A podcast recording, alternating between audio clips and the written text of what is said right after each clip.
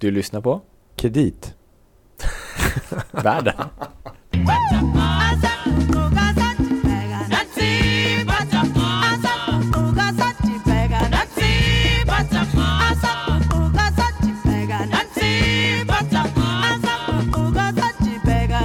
Louis. Gabriel. Ja.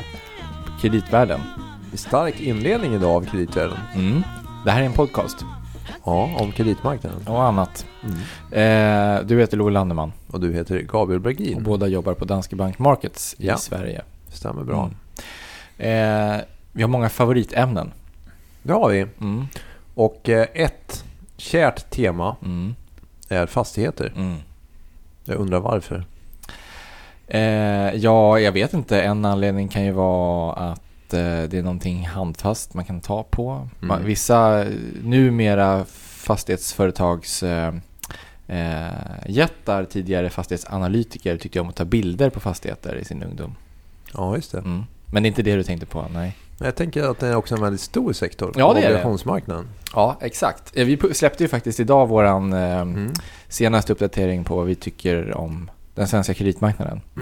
Just det. Och, Den eh, har fortsatt att växa, är det inte så? Ja. Ja, men vi förra året var ju rekordvolym Mm. eh, från, eh, från företagssektorn som emitterade obligationer då på, på vår marknad här i Sverige. Och, eh, då var faktiskt fastighetssektorn en lite mindre andel än det har varit de senaste åren för Mm. att det var många andra som, som emitterade. Men i år så eh, satte vi en prognos på 130 miljarder i, eh, I ny- företagsobligationer. Nya Mm. emitterade företagsobligationer för, för hela året. Då. Och jag kan säga att från, till och med augusti i år så är vi redan uppe i 110. Så det ser ut som att vi kommer överträffa vår prognos och nu ligger vi i linje med förra årets rekord. Då. Och där är fastigheter Ja, en då bi- kan vi ju... bidragande orsak, eller? Ja, exakt. Så att fastighetssektorn ökar sin andel igen. Så nu är det 49% av emitterad volym från fastighetssektorn. Det är en väldigt stor andel. Och totalt utestående volym. 220 miljarder fastighetsobligationer. Och för tre år sedan. Alltså drygt 100 miljarder kanske. Mm. Så att det, det har hänt ganska mycket. Den, resten av marknaden har inte växt alls lika mycket Nej. som fastighetssektorn har gjort.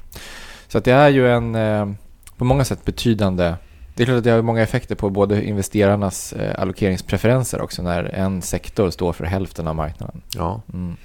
Och eh, jag tänker så här, september nu är vi på slutet här, men det är ju en sån här fastighetsmånad, i alla fall i Stockholm. Vi har den här Business Arena-konferensen och nu har ju Moody's börjat haft en eh, konferens också. Det är ju fler bolag som har skaffat ratings och så vidare. Yes. Och vi tänkte ju lite grann då följa upp här. Vi vill inte vara sämre. Nej. Så vi har bjudit in eh, en av våra stora fastighetsexperter här på banken, nämligen Henrik Dahlgren. Tack så mycket. En eh, från fienden. Eller nej, nej. nej det tycker jag inte. Jo, men Nej, det skulle en kär kollega tycker jag. kär Ja. kollega. Du är aktieanalytiker. Precis, att jag sitter ju på eh, den andra planhalvan då, och det är inte alltid vi håller med varandra. Nej. Men ibland. Men ibland så håller vi med varandra. Mm. Vi har i alla fall mycket att lära av varandra. Kul att du är här. Mm. Tack så mycket. Mm. Jag måste passa på att fråga, vad, när jag hörde den där intro, introlåten, vad, Mm. vad var det för någonting? Ja, Gabriel. Tänkte du? Ska, ska jag stå till svars för det här? Det var ju Miriam Makeba. Just det.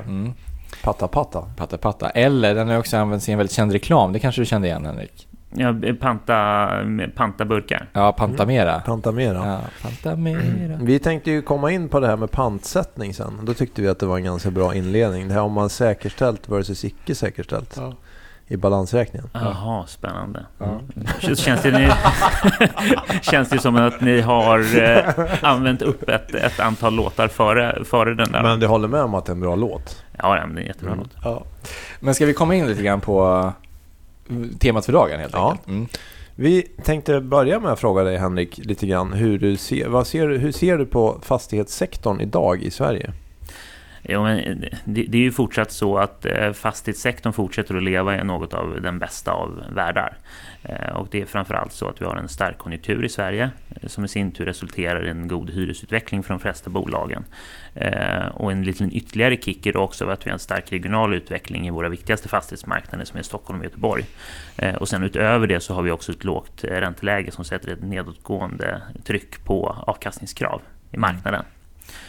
Och sänker finansieringskostnaden. Och sänker också finansieringskostnaden som kommer in i, i de här bolagen med ett eh, lagg. Mm. Och tittar man då på Stockholm till exempel så har vi en vakansgrad idag på 2,6 procent. På, Rekordlågt. på kontor? på kontor då mm. framförallt. Och vi skulle ju kunna gå igenom de olika fastighetsmarknaderna. För mm. det, som aggregat så skulle man kunna säga att sektorn mår, mår väldigt bra. Eh, men det finns självklart ganska stora skillnader mellan de olika tillgångsslagen mm. eh, inom fastighetsmarknaden då, där till exempel kontor fortsätter stiga ut som mycket positivt och där retail då sticker ut som lite svagare. Mm. Om man tittar på kontorsmarknaden då till exempel i Stockholm och Göteborg som är viktiga marknader eh, så har vi en relativt sett låg vakansgrad och vi har haft en helt fenomenal hyresutveckling framförallt i Stockholm. Jag menar om man tittar på utvecklingen 2016 och 2017 så screenade Stockholm bland de bästa fastighetsmarknaderna faktiskt i hela världen på topp 5-listan. Mm. Vi är högt där uppe med emerging markets och, och andra typer av, av, av högtillväxtländer. inte det så. Tror, man, tror man att det är uthålligt det här då? Eller? Man kan ju kunna säga att det liksom är, inte säga att det är en bubbla, men liksom att det är en, en tillfällig bristsituation som i någon tidpunkt så kommer det här att Tittar man över en längre tid så har vi haft en relativt låg tillförsel av kontor i Stockholm. Så att mm. Eh, kontorstillförseln och, och, och, tillväxten i stocken har varit betydligt lägre då än sysselsättningstillväxten inom, inom white collar eller inom eh, antalet kontorsanställda. Sen så har vi också ett flertal eh, kontor, ganska mycket kontorsyta som ska konverteras framöver till bostäder. Och så länge vi har en positiv konjunkturutveckling och en stark regional utveckling i Stockholm och mm. en låg vakansgrad så borde ju Eh, de här hyresnivåerna kunna hålla i sig. Sen så är det självklart så att den största uppgången, den ligger nog bakom oss. Jag menar, vi kan ju inte mm. ha uppgångar på 20-25% per år som vi Nej. såg till exempel då i 16. Eh, men innevarande år så kanske vi får se en hyresökning på runt 4-5%. Och vi är fortfarande inne i en situation då där, de fler, där flertalet bolag både på eh, då kreditsidan och på, på, som är relevanta på aktiesidan fortfarande refinansierar sina avtal och då kommer ur en situation med en, med relativt sett låg hyresnivå och får ett ganska stort upptick då vid, vid maturitet. En sorts lag, laggeffekt. Alltså det tar lång tid innan de här högre nivåerna kommer in i i deras portföljer. Precis, och det är ju samma mm. sak då både för värdejusteringen och för det som händer i resultaträkningen. Då. Om man tittar utanför, många av eh, fastighetsbolagen, de stora, är ju inte bara i Stockholm. Hur ser det ut i resten av landet? Liksom? Är det samma bild man ser på de olika Det är också ganska intressant om man ser till det att eh, Stockholm ska man ju säga har ju varit relativt volatilt tidigare. Eh, men vi ser en ganska bred uppgång av hyrorna, eh, även på övriga delmarknader i Stockholm. Eh, i till exempel Solna, eh, Sundbyberg, övriga innerstaden. Den enda delmarknaden i Stockholm vi inte ser någon uppgång på i Kista faktiskt, där mm. hyrorna är fortsatt ganska eh, flätt. Ericsson-effekten, eller? Ja, det är Ericsson-effekten. Man har haft en ganska stor avflyttning där under kort tid från, ett, från bland annat då Ericsson. Mm. Eh, och sen så har det då blivit stora vakanta ytor och sen så har det ju varit ett antal problem där också. Det har man inte minst sett i media till exempel, de här mm. skjutningarna i Kista galleri och så vidare. Eh, så det är ju ett väldigt och specifikt problem. Eh, men tittar man på övriga regionmarknader i Sverige, så jag menar, jag läste nu senast i Fastighetsvärlden här igår att Skanska siktar på över 3000 kronor per kvadratmeter i deras nya kontorsutveckling Juvelen i Uppsala. Mm. I Göteborg så, så hör vi att eh, huvudstaden pratar om topphyror på 4000 kronor per kvadratmeter per år. Jag menar, det var ju prime rent i Stockholm i 2013-2014. Mm. Eh, så att, eh, så att eh, Sverige rör på sig. På regionbasis så är väl den enda marknaden där det har varit lite svagare södra Sverige och Malmöregionen. Men jag tänkte säga, för demografin ser olika ut i landet, men är det så att de bolagen, om vi säger det lite större som du till exempel följer, så de är mest på de växande orterna? Så de här orterna som skulle kunna tänkas vara lite svagare är inte Själv, självklart så är det så att om man, om man tittar på så att säga, den samlade börslistade portföljen i Sverige så är det en klar majoritet kontorsfastigheter. Så är det en klar majoritet eh, Stockholm. Mm. Eh, så därför så, eh, det ska man ju också ha med sig när man tittar, när man tittar på, på sektorn som helhet tycker jag. Att man får en extra kicker i, i utveckling på grund av den specifika exponeringen som för närvarande är, är väldigt bra. Då. Men eh, om vi går över till butik då, som, eller retail som du var inne på själv. Det är lite svagare. Ja, alltså, om man tittar då till exempel på, på retailfastigheter så, eh, så har vi ju sett precis som överallt annars i Europa och även i USA en relativt sett svag utveckling. Och det har ju framförallt att göra med den stora transformationen som vi ser just nu av köpbeteende. Jag kom mm. knappt själv ihåg när jag var inne i en butik den senaste gången. Det var ju säkert ett, ett och ett halvt år sedan som man sprang runt på H&M eller, eller Kappahl och, och jagade barnkläder. Jag köper allting online själv. Eh, och eh, det, det, är ju först nu som det här på riktigt börjar sätta sig i handeln i Sverige. Mm. Man ligger vi liksom att... lite före eller ligger vi lite efter vissa andra marknader som USA eller delar av Europa? Ja, om man tittar på den totala online-penetrationen då, eller försäljningsvolymen online, så ligger den på 8-9% ungefär i Sverige. Eh, och det är ungefär samma som USA faktiskt. Och sen så har vi några eh, marknader som till exempel UK där den är dubbelt så hög.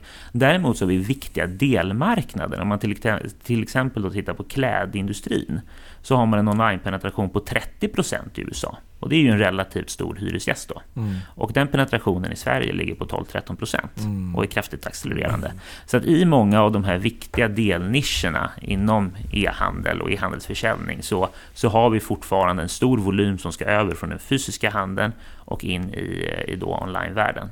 Och det är den här butiksdöden. Ja, ja men och fra, framförallt så kommer man förmodligen se en situation där många av de större eh, butikskedjorna som förut egentligen hade, hade som mantra att man skulle expandera med x antal butiker per år, vilket självklart är goda nyheter för köpcentrumägare. Mm. Nu är inne i en situation där man ska minska kraftigt på, på sina butiksnät. Då. Mm. Eh, och kanske snarare då investera i eh, online och distributionskapacitet och så vidare mm. för att förbättra sin, sin online-kanal. Men de, de fastighetsbolagen som har exponering mot det här, har de, har de det tufft nu eller?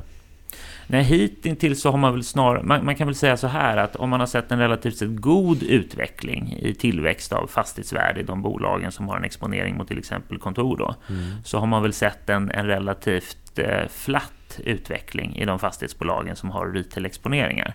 Mm. Däremot så har det ju inte varit en avtagande trend. Eh, och sen så är det självklart väldigt stor skillnad på retail och retail. Jag mm. tycker inte att man ska dra allt över en kam. Om man till exempel ser till eh, huvudstadens retail-tillgångar här nere i biblioteksstan eh, och, och det specifika segmentet då som är lyxvaror går, eh, går fortsatt ganska bra. Där man har fortsatt mm. ganska bra tryck på Eh, på, på, inte, inte på hyror, men, men framförallt på hittar man, hittar man hyresgäster. Mm. Eh, Medan då ett, ett, eh, ett köpcentrum kanske utanför Västerås som är bilbundet, det, det har, det, har det tuffare idag. Ja, just det. just det. Så här gäller det att vara noggrann och kolla på mikro så, så är det ju. Och sen så ska man ju säga att en stor skillnad faktiskt också mellan USA och Europa och som talar lite till, eller Europa och Sverige som talar lite till Europa och Sveriges fördel. Det är att USA har en betydligt högre köpcentrumpenetration per capita än vad vi har i de nordiska länderna. Mm, det finns ett överutbud eventuellt där. Precis, så det mm. finns ett relativt sett stort överutbud och en stor överetablering i USA. Mm. Men, men där ska man ju också i ärlighetens namn säga då att på eh, nordisk eller på europeisk basis så screenar våra länder, Sverige, Norge och Finland väldigt högt i köpcentrum centrumpenetration. Mm. Men lite av klimat, en klimat... Det är självklart en klimatfråga Fråga. också. Om vi tittar på det segmentet som kanske har varit mest i media det senaste året, bostadssektorn. Där finns det ju olika delar, men om vi även kommer in på hur det har påverkat för du tittar också på byggbolagen. Mm. Hur ser det ut med... Liksom, vad, vad, vad, har det blivit bättre än befarat för din del? Nej, men jag, jag tror så här, det, för det första så tror jag att det är jätteviktigt att hålla isär hyresrättsmarknaden och bostadsrättsmarknaden. Där hyresrättsmarknaden har varit, eh, har varit stark och där jag tror att hyresrätten är, är helt strukturellt rätt. Eh, och det ser vi också att många av, av de större bostadsbolagen på börsen fortsätter investera i eh, ökad hyresrättsproduktion. Mm. Däremot om man tittar på bostadsrätts... Även en del kommersiella bolag använder väl en del byggrätter för att bygga bostäder fortsatt och sådär, eller? Jo, nej, men så är det. Wallenstam till exempel har ju byggt bostadsrätter, mm. men där man har ställt om en del av produktionen till hyresrätter. Mm. Eh, däremot så är det så att alltså, de listade fastighetsbolagen eh, bygger ju fortfarande i relativt begränsad utsträckning, även om man har så att säga embryon till, till bolag som ska syssla med bostadsproduktion, till exempel Klövern och, eh, eh och även Balder. Eh, ska ju eventuellt då eh, rampa upp eh, produktionen inom, mm. inom just bostadsrätter. Mm. Mm. Men, men det vi har sett på bostadsrättsmarknaden under det senaste året det är ju en nedgång på nästan 10% i Stockholm och nedgång i riket på 5 och Det här följde ganska tätt in på de nyligen införda amorteringskraven. Och samtidigt också så såg man en ganska kraftig utbudsacceleration där man då kom från relativt låga nivåer, men där, eh, där produktionen ändå tredubblades under ett antal år. Och då är det de två parametrarna som satte sig i marknaden. Mm. Och sen ska man ju säga att vi kommer från en situation där svenska bostadspriser har eh, utvecklats relativt kraftigt i andra marknader också. Så att om man, man mäter sedan 2007 så är bostadspriserna faktiskt fortfarande upp 90-95 procent mm. i både Stockholm och Göteborg. Men eh, den här nedgången då, var den ungefär, eh, verkar den rimlig tycker du? Liksom? Det vi har sett hittills eller? Jo, men det, det, det, är väl fullt rimligt att man får en, att man får en korrigering och en kalibrering av, av priserna. Mm. Och eh, sen, sen, så är det, sen så är det väl så att man, man, man, får ju... Det är ju två stycken så att säga vågskålar här. Den andra är ju att vi har ett fortsatt lågt ränteläge och att Sverige och framförallt Stockholm har haft en väldigt god konjunkturutveckling. Mm. Eh, och där vi också har en ökad efterfrågan på grund av befolkningstillväxt och så vidare på, på bostadsrätten. Mm. Men tittar man på prisutvecklingen i Stockholm till exempel. Vi har haft en utveckling sett till BNP per capita på 30 procent under de senaste tio åren. Så jag menar, det har varit en av Europas starkaste regioner eh, utvecklingsmässigt och det är klart att det i någon mån ska sätta sig i fastighetspriser också. Mm. Eh, men, men, sen så är de nuvarande priserna har ju varit boostade av, ett, eh, av, ett, eh, av att utbudet har varit alldeles för lågt. Och sen samtidigt så har man ju inte haft den här, amorterings, den här typen av amorteringsstruktur tidigare. Så det ska ju få en inverkan då på marknaden. Om vi tittar nu framåt då, för det finns ju en bild av att det finns ett ganska stort utbud kvar, en stock av bostad, osålda bostäder hos de här stora bostadsutvecklarna. Liksom. När det kommer till marknaden eller när de börjar sänka sina priser, liksom, kan inte det ha en effekt på Självklart, och jag tror ju inte att... Nu har vi ju sett att marknaden, om man tittar på månadsdata, har varit relativt stabil sedan i början på sommaren. Eh, dock så är det fortfarande relativt låga volymer som vi kan mäta priser på. Eh, nu när vi går in i hösten så tror jag, precis som att du nämner, att det finns ett problem med överutbud. Och framförallt så finns det ett problem med, ut, med överutbud inom nyproducerade bostäder. Eh, där vi också har hört och sett att flertal bostadsutvecklare börjar ju kalibrera sina priser. Jag hörde till exempel att Skanska var ute och sänkte 5% på hela sin svenska portfölj. Och, eh, Oscar Properties var ute och sänkte 10 mm. och JM har också varit ute och sänkt i sina projekt i Älvsjö. Och eh, nyproduktionsmarknaden och, och sekundärmarknaden då för hem eller ja, lägenheter som man köper och säljer på andrahandsmarknaden, det är kommunicerande kärl. Så, att, så att jag skulle bli väldigt förvånad om inte det vi ser på nyproduktionsmarknaden faktiskt sätter sig också i, eh, i prisutvecklingen på andrahandsmarknaden under hösten.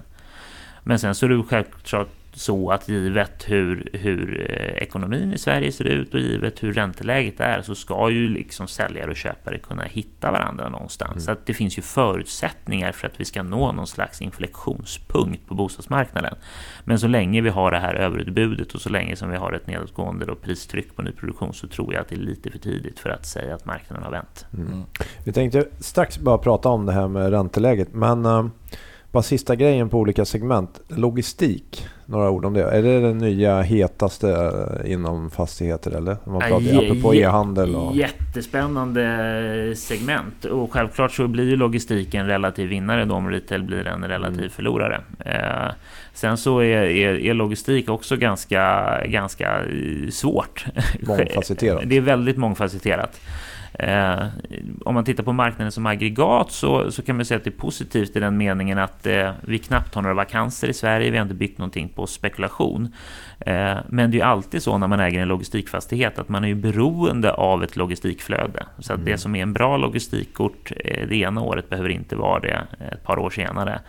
Mm. Och sen samtidigt så har man ju egentligen en oändlig etableringspotential av logistikfastigheter. Man kan ju alltid bygga en ny lokal lite E4 längre är lång. Ja, E4 är lång, precis.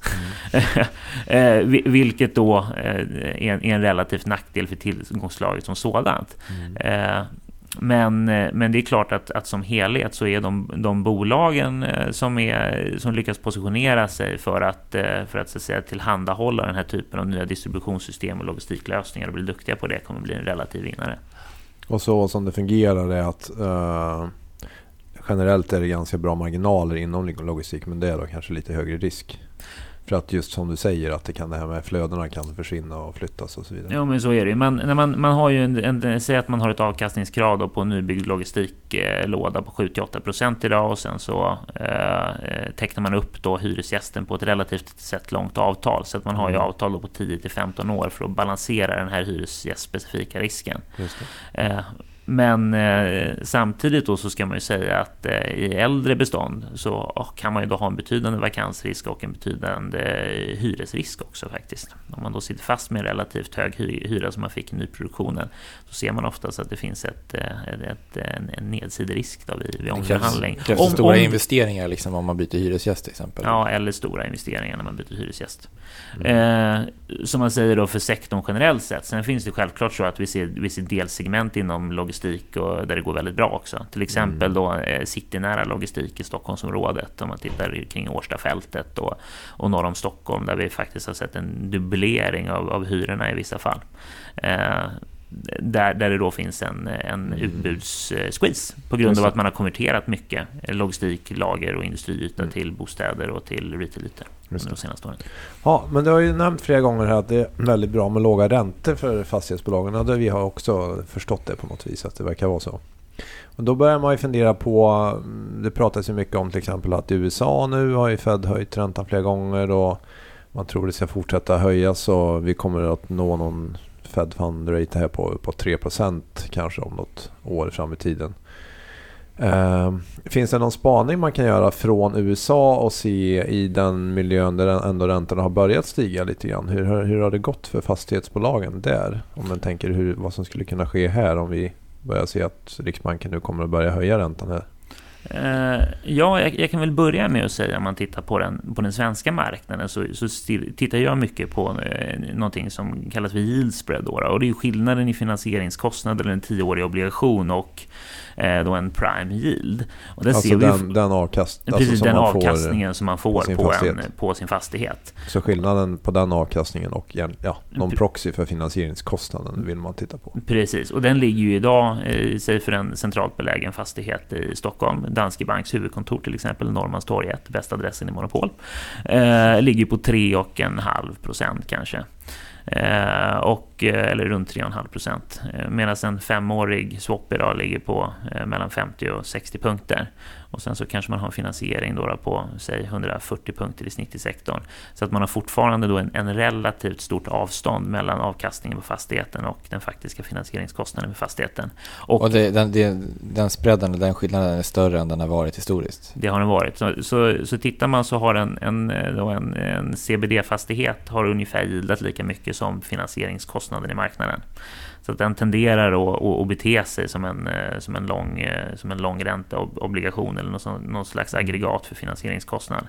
Eh, och det där då... Men nu är det en stor skillnad? Nu är det en stor skillnad. Mm. Och det det här räkneexemplet säger då eh, är ju att man skulle kunna eh, klara av en relativt sett stor ränteuppgång idag. I alla fall så skulle vi väl kunna se en, en, en femårsränta på kring 2% kanske innan man skulle börja se någon slags inverkan på fastighetspriser i teorin. Men då är det intressant också att studera mm. vad, vad händer liksom i praktiken? För det är ja, klart precis. att när man, när man närmar sig en inflektionspunkt så börjar man ju då räkna in ett, ett mer negativt scenario än det vi, mm. än det vi ser i, äh, än det vi ser så att säga i dagsläget. Mm. Och där är USA ett väldigt intressant exempel.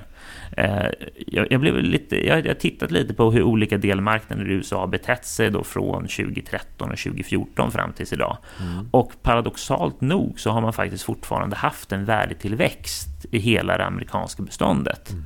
Sen så har olika delsegment gått, gått bättre än andra delsegment. Till exempel har industrifastigheter utvecklats väl, eh, bostäder utvecklats väl, kontor lite svagare men fortfarande positivt. Mm. Eh, Medan alltså retail har, har i USA då gått, gått kraftigt negativt. Men det har ju inte i sig att göra någonting med ränteuppgången. Nej, det har ju snarare att göra med struk strukturella ja, effekter. Precis. Eh, så att... Så, så jag tycker väl att, men sen samtidigt vad, så... så att, och din förklaring till det här, vad är det då? Att ränteuppgången har varit ganska måttlig eller att... Ja, men alltså, konjunkturen men, också är väldigt stark. Man, man, ja, det är, väl, det, är väl lite, det är väl lite av varje. Eh, men man ska ju också säga då att den långa marknadsräntan har ju bara rört sig från 2 mm. till 3 procent under den här tiden. Så det är en relativt begränsad rörelse vi har sett på, mm. på räntemarknaden. Men, men, jag, men jag tycker ändå att, att, att, slutsatsen och spaningen är intressant i den meningen att man kan faktiskt ha stigande tillgångsvärden på en marknad där långa marknadsräntor tickar upp. Mm. Eh, men en intressant reflektion som jag gör för egen del där är ju att jag tror att amerikanska, de här REITs, generellt sett är mycket lägre belånade än europeiska fastighetsbolag. Och därav också kanske lite mindre känsliga för, för förändringar i finansieringskostnaden. Mm. Man skulle kunna tänka sig att effekten här skulle kunna bli lite större. I alla fall på de högre belånade bolagen. Om en, om en ränteuppgång skulle ske här. Jo, då, men, men så är det ju självklart. Och sen, sen så, jag, jag, vet faktiskt inte varför vi har så, så stor skillnad i belåning där Sverige alltid har legat lite högre än både sina mm. europeiska peers och sina amerikanska peers. Jag tror till exempel det skulle kunna göra med att vi har en ganska stor eh, entreprenörsägd fastighetsportfölj i Sverige. Till skillnad från kanske en, en mer institutionellt ägd portfölj utomlands. Mm. Eh, eh men, eh, men, Man är mer villig att ta över risk med sina egna pengar än med andras pengar. Nej, men jag, jag tror väl att en, en entreprenör är väl bättre på att eh, på att balansera operationell och finansiell risk för att få ut så bra avkastning som möjligt på sitt egna kapital kanske på ett mm. annat sätt än vad en, än vad en institutionell placerare är. Mm. Och, och även då att man har ett annat avkastningsmål på sitt eget kapital än vad en men det är ju en intressant... Men, men, men som ja. du säger i termer av räntehöjningar så är det väl klart så att har man en högre belåning så får man ju ett större utslag då på, på finansieringskostnad och en större mm. volatilitet i det. Men eh, i Sverige går vi fortfarande från ett läge då med, med minusräntor. Eh, vi har ganska mycket kvar innan man ska få en reell inverkan av mm. räntehöjningar på eh, fastighetsbolagens eh, resultaträkningar. Mm. Och vi är fortfarande inne i ett läge faktiskt eftersom att saker och ting händer med lag i fastighetsbolagen. Mm. Där man omfinansierar derivat och man omfinansierar lån till, på sektornivå då, på lägre nivå än, än vad det varit historiskt. Så det är fortsatt fallande finansieringskostnader faktiskt ja, i fastighetssektorn. Just det. Men det är intressant det där hur, som du säger med utländskt och institutionellt kapital att man kanske tänker annorlunda med belåningsgrad. För flera av de svenska bolagen när man har skaffat rating och även gått upp på euromarknaden så har man ju sett att man det har funnits önskemål att man ska gå ner i belåningsgrad. Att man kanske ofta justerar sina finansiella policies och sånt där. För att komma ut lite bättre då. Och det har liksom krävts att man måste gå ner i skuldsättning. Du försöker säga att det inte bara är de svenska entreprenörerna eller fastighetsbolagen som är villiga att ta lite mer risk utan även investerarna har varit bekväma med det.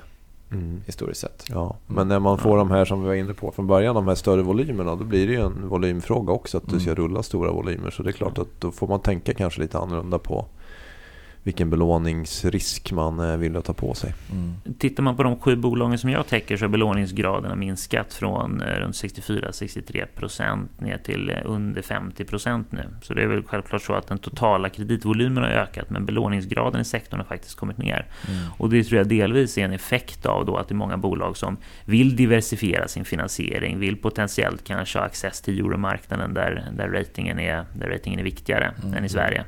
Eh, men att det också är en effekt av att man har positionerat balansräkningen inför de här potentiella avdragsreglerna då, som går igenom till 2019 på eh, nya skattereglerna helt enkelt. Just det. Just det, ja, det kan jag på räntekostnader. Eh, på räntekostnader. Men det är också belåning, ska säga att belåningsgrad, är, då är det belåning i relation till marknadsvärdet Precis. på fastigheterna. Det är viktigt att poängtera. Mm. Men Gabriel, kan vi inte lyssna lite mer på den här låten? Ja, det kan vi göra. Kanske dags för en liten paus. Ja. Mm.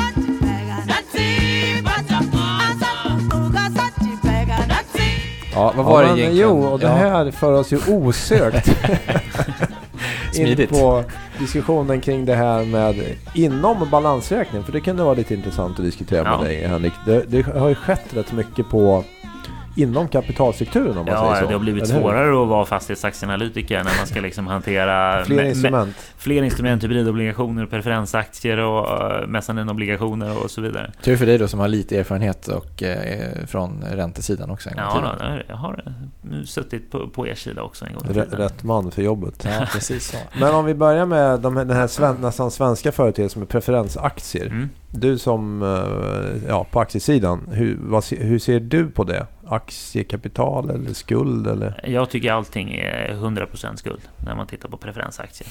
För att, för att de är liksom högre prioriterat än, än aktier? Ja, men, men, men alltså det, det, blir ju en fråga. I, i min mm. bok så blir det en fråga om, om total, jag vet inte vad, vad liksom man ska kalla det, men total leverage skulle man väl mm. kunna säga. Mm. Vad är det som är hänförligt en stamaktieägare och vad är det som är hänförligt någon annan. Mm. Det är ju det som är viktigt för mig. Sen så kan jag tänka mig att, att, att det blir viktigare att analysera de här relativa tillgångsslagen då för kreditägare som har olika typer av prioritet i balansräkningen. Mm. Men där jag som aktieägare alltid är, är så att säga sist, eh, sist ställd. Mm. Just det. Men det innebär att du även ser en, en så kallad, de här som är populära nu, hybridobligation. Att det skulle ja. också, I din värld så blir det också en skuld. Det, det tycker, jag, det, det, det, tycker jag också är en, en 100% skuld. För det är mm. ju, även om då preferensaktien, hybriden betalar ju tillbaka, så det är ju definitivt en, en skuld. Då, då. Mm. Eller, eller då, eh, du, du ska väl enligt praxis betala tillbaka hybriden i alla fall, mm. vid ett potentiellt call date. Preferensaktien behöver ju aldrig betala igen då nu du vill. Eh, men, men det är fortfarande en skuld som du ligger och betalar utdelningar på som belastar stamaktieägarnas kassaflöden. Så, att, så att jag tycker att man, eh, att man hanterar den som en skuld. Sen ska man säga att på den positiva sidan då så är det klart att det finns eh, alltså på marginalen så finns det nyanser som är positiva och negativa om man bryter sig längre ner i balansräkningen. Det är klart att jag tittar jättemycket också på potentiella refinansieringsrisker mm. och, det, och det slipper man ju då med, med både hybridobligationer och preferensaktier till exempel. För att, alltså de är eh, längre och är potentiellt eviga. Ja. Så att säga. Mm. För att som ratinginstituten kan till exempel se båda de instrumenten som 50% eget kapital och då är man inne på resonemang kring okej okay, om bolaget är stressat så kan man skjuta upp eh, betalning av kupongränta och, och ställa in utdelningar och sånt där till preferensaktieägarna. Så det är sådana aspekter. Men som du säger, de kommer från andra hållet i balansräkningen lite grann och ser neråt och du ser upp, nerifrån och upp. Eller man ska mm. uttrycka det. Mm. Så de kan ha lite olika perspektiv. Men det är ju intressant för att en anledning till att man gör mycket hybrider är väl just den här ratingbedömningen. Att man tycker att man kan få räkna en del i och komma ut bättre i ett ratinghänseende. Mm. Självklart så är det så. Sen så tror jag liksom det handlar ju som alltid både från min sida och från er sida att ha en, att ha en balans mm. och en riskspridning i sina olika finansieringskällor. Ja, men alltså att preferensaktierna kom till är väl delvis då för att stamaktieägarna inte skulle behöva stoppa in mer eget kapital vid viss tillväxt samtidigt som man ville balansera då bankens, eller då framförallt bankerna som det var på den tiden, eh, vilja att hålla nere den, den skuldsättningen som de var exponerade för. Men och det där är en jätteintressant poäng för preferensaktien var ju ett fantastiskt instrument i en, i en stigande fastighetsmarknad. Mm. Jag tror det var Saga som kom ut med den första preferensaktien 2006 när man kommer från en relativt sett låg nivå då på tillgångsvärden. Och, eh, och eh, man faktiskt har en fördel att, att ratta en balansräkning, balansräkning med en hög belåning. Så många av de här bolagen liksom som vi ser idag, typ eh, Balder och Sagax, de har ju haft totalbelåningar på över 80 procent. Mm. Men det fungerar ju i en stigande fastighetsmarknad. Sen så är ju inte preferensaktien alls ett välfungerande instrument i en marknad där, där vi har en högre relativt utgångspunkt i tillgångsvärden. Mm. Eh, och där den då, eftersom att den inte går att lösa in, har följt med längre och längre ner i balansräkningen. Mm. Och det är också därför vi ser att många bolag funderar ju och, och har även löst in sina preferensaktier. Mm. Eh, där till exempel då man, om man ser till Balder så hade ju preferensaktien i stort sett samma belåningsgrad liksom som, ett, som ett banklån när, när det begav sig. Fast du då måste ligga och betala motsvarande då 6 eh, i ränta mm. på det lånet. Mm. Ser du några andra trender inom sektorn? Alltså för att det känns som att bolagen kan välja väldigt olika i sin mix av finansiering. Är det mer att man kanske ska se det bolagsspecifikt nu? Några kan fortfarande ligga kvar med mycket banklån och någon annan kan ha ja, gått över helt till obligationer till exempel. Och även nivån på skuldsättningen känns som att den är väldigt varierande. Ja, men det, är, det är väl klart, liksom, om man tittar på struktur på balansräkningen så, har ju, så är det väl ett, ett sektorfenomen att många har viktat ner sina banklån till fördel mm. för obligationer och det är ju en del av den här omställningsfasen mot att få en investment grade rating. Mm. Sen så tittar man på trenden i sektorn så är den också ganska homogen. De flesta bolagen har sänkt sina belåningsgrader. Men då som ett resultat av att tillgångsvärdena är upp. Mm. Den totala kreditstocken är då fortfarande ja, ökande. Ja. Eh, men, och sen så finns det ett par bolag då som sticker ut och kanske haft någon typ av, någon typ av upptick i, i belåning. Eh, sen så är det självklart så att det skiljer sig väldigt mycket åt beroende på modell vad man har för finansiell struktur. Där vissa mm. typer av finansiella strukturer passar bra för vissa nischer och affärsmodeller. Och Just. andra typer av finansiella strukturer passar inte alls. Eh, om man då till exempel tittar på Sagax och MP3 och de här, de här företagen som sysslar med eh, industrifastigheter med lite högre mm. yield, ganska mm. stabila, eh, långa kontrakt och trippelnettavtal då, så, som innebär att man har en ganska låg volatilitet på kostnader. Där kan det ju passa sig faktiskt att, att, eh, att, att jobba då med lite, med lite leverage. Eh, Medan i ett, ett, större kontorsbolag så, så kanske inte gör det. det. Det beror väldigt mycket på modell till modell. Och sen så är det självklart så att det finns även inom olika delsektorer så finns det olika balansräkningar.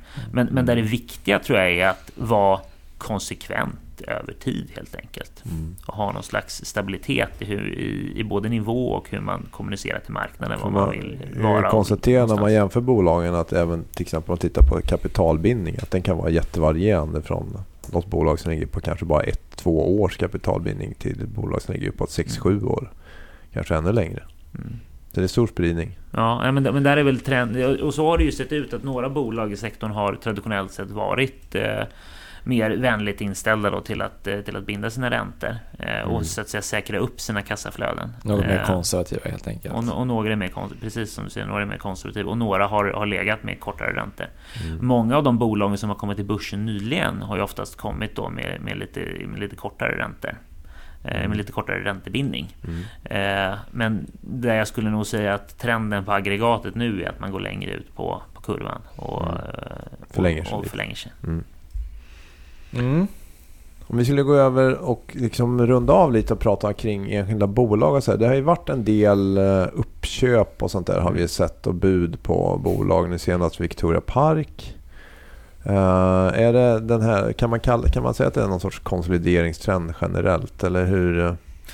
Ja, men det, det, är ju så att de här, de här börsbolagen de tenderar att handla kring sitt eh, rapporterade substansvärde. Och vi är inne i en situation nu där eh, jag tror att fastighetsmarknaden har rört sig snabbare än börsen. Mm. Eh, och, och, det syns inte i fastighetsbolagens utveckling eftersom den kommer med ett lagg. Så när man är mm. inne i en situation när man har, har dyrare tillgångspriser på fastighetsmarknaden än på börsen, eh, då kommer man se utköp helt enkelt. Mm. För att det, det, blir attraktivare att, att köpa loss portföljer. Mm. Eh, och, kan man säga generellt, lönar det sig generellt för ett fastighetsbolag att köpa ett annat fastighetsbolag som är värderat på börsen till sitt substansvärde? Finns det liksom alltid synergier eller måste det vara en substansrabatt för att det ska vara värt det? Nej, men alltså, jag, jag tycker generellt sett när man, när man talar substansrabatter i sektorn så är det, det är ju en, en, vi vet ju inte vad den underliggande substansen i ett bolag är och, och vissa bolag kan, kan, ha en, kan ha en eh, så att säga fördel då, i den månen att den rapporterade substansen är väldigt låg och and, i andra bolag kanske den rapporterade substansen är, är, för hög. Substansvärdet i bolag ska man ju komma ihåg är bara en best guess egentligen av vad de underliggande tillgångsvärdena är. Mm. Eh, och det är därför vi ser att, det här är lite paradoxalt, att det är de bolag som har handlats i substanspremier som har blivit utköpta med bud. Det är mm. inte de bolagen som har handlat med stora substansrabatter som mm. har blivit utköpta. Men, men jag tror liksom att, att den viktiga poängen här är att generellt sett så ligger hela fastighetsmarknaden före så att säga eh, vad fastigheter handlar till på börsen. Och det kommer driva utköp. Mm. Sen så är det självklart så att om man ser stora skillnader i prissättning mellan börsbolagen så kommer man ju se en konsolidering då om, om bolag X har en valuta som är mer värdefull än bolag Y och kan använda mm. sin valuta mm. i form av sin mm. aktie mm. för, att, för att köpa upp ett, ett annat bolag. Det kan alltså bli några, eventuellt några affärer på, bland de riktigt stora bolagen? ja, jag skulle inte bli förvånad om, om, det, om det händer något sådant. Och sen så vi, har vi ju sett en ganska stor tillförsel av nya bolag på börsen också. Mm. Det är ju till och med så att jag som fastighetsanalytiker har tappat räkningen. Jag tror vi är uppe i mellan 20 och 25 börslistade bolag i Sverige. Och det är klart att det finns synergier i att konsolidera portföljer, i till mm. exempel central administration, i fastighetsförvaltning och även i finansiering.